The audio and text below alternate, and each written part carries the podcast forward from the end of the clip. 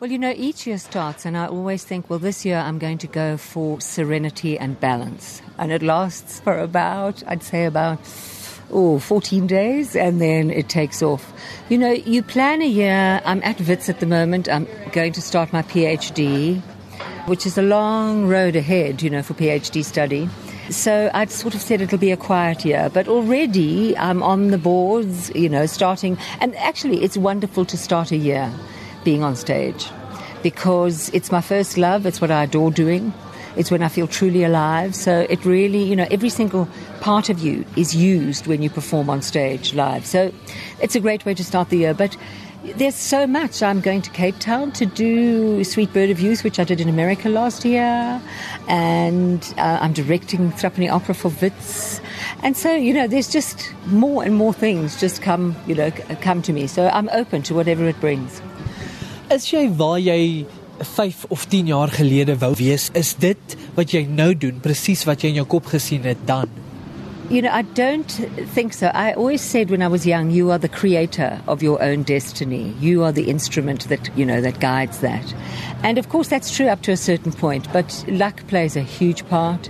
Being somewhere, you know, when the doors open and you can go through.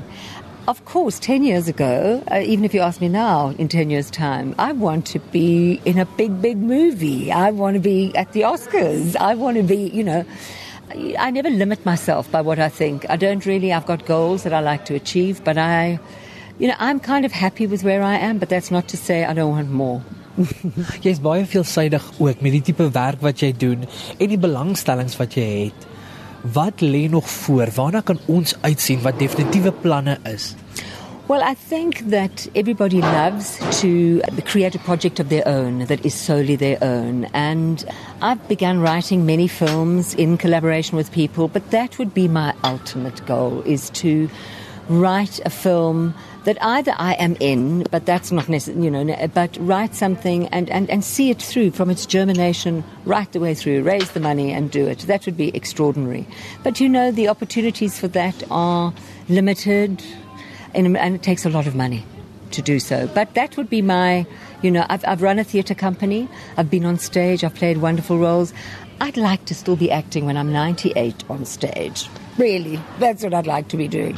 En tans is jy besig met Blonde Poison by die Auto and General Theater in Sandton. Vertel my 'n bietjie meer oor hierdie produksie. Ek het dit verlede jaar gesien. Gaan dit so 'n bietjie anders wees? Vertel ons luisteraars 'n bietjie oor die storie. Well, I think that, you know, the play is written by my sister-in-law. And she wrote a play called Miss Dietrich Regrets, which I did with the Jana Ramos Violante who directed this and we played mother and daughter in it. And you know, we workshopped the production quite a lot. We we teased out the script, we added songs, we did things for the Marlena. And it was a very enjoyable process. Uh, Sylvaine Strike directed that. And so when this uh, production was actually the first one she ever wrote, and Daphne was a little tentative about doing it because of the subject matter. I mean, it is set in the Second World War in Berlin at the height of, uh, you know, Jewish persecution and the beginnings of the Holocaust. And so the subject matter is pretty direct, pretty rough, pretty tough. But she, the character I play, Stella Goldschlag, is a woman in any situation faced with a question or faced with a choice. I mean, I think many people know Sophie's Choice. Uh, it's a similar period of history. How do you make a choice? Whether to save yourself, save your parents, or who do you save? So I think that, that, that, that from that point of view, it's a very human story.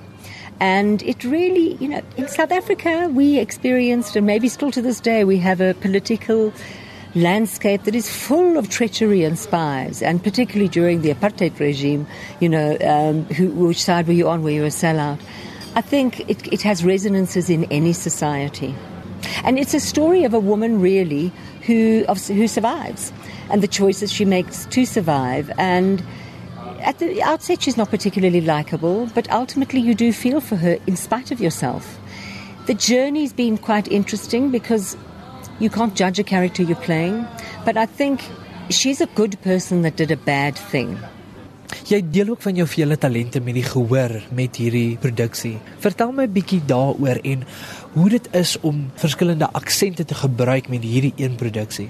Well, I think you know my whole thrust in teaching performance whatever it is, it all starts really with the voice. We live in such a visual environment and, and, and century now. Everything is visual, visual art. You make a statement with what you look like. So a lot of people feel that if they just change their costume or change their hair or change their wig, they will be a different character. My kind of analysis of character goes in if you find the voice of the character, because every voice is different, and the voice is like a fingerprint, it reveals everything about you. So the voice is, for me, has always been the starting point of where I enter a character. And I mean, accents is something that I've had a facility for when I was younger. I always say, people say, How did you become interested in accents? My mother is Scottish. So from a very early age, we used to send my mother up badly. We used to say things like, Oh, no, where's the sugar? Mama said, I don't talk like that. And also, a very important uh, influence on my life was uh, my nanny. Sally, who came from Nelspruit, and she refused to talk English to me. Uh, so she only talk, spoke Seswati to me. So I grew up with these two languages, and so accents and people and languages have always fascinated me from a very early age. So, look, uh, last year in the middle of the year, I was doing a Greek accent. I was playing Luli Kalinikos. So it's something that I really adore, and I think it it helps you transform more because I'm interested in transformation. It's almost like the the cherry on the top of transformation. Dis 'n bietjie 'n verhouding met woorde ook. Jy het eendag gesê you are what you speak. Dit laat my dink aan iets wat Maya Angelou gesê het dat wat uit jou mond uitkom raak aan alles in jou omgewing en of dit die matte is of die banke in jou huis en dit trek daarin en dan word daai woorde wie jy is. Absolutely. I think as well, you know, you are what you speak, kind of also suggests that we are responsible for what we say. Because I think that very often now with uh, social media, you have Twitter, Facebook, all of that, uh, blogs, people sometimes respond intuitively, spontaneously, and sometimes irrationally. And sometimes their lives can be very, very damaged by that. So there's a responsibility in it. But I do think you actually give off or communicate to people and to, to, you know you reveal who you are through the words you use through the tone of your voice through how you you know communicate and i think it's a very important aspect because the 21st century and the 22nd will probably be worse is absolutely obsessed with youth you have 60 70 80 year old men and women walking around in skinny jeans extensions so for that those images to work you have to speak like an adolescent. You can't be speaking like someone like that if you're wearing, you know, skinny jeans. It doesn't work.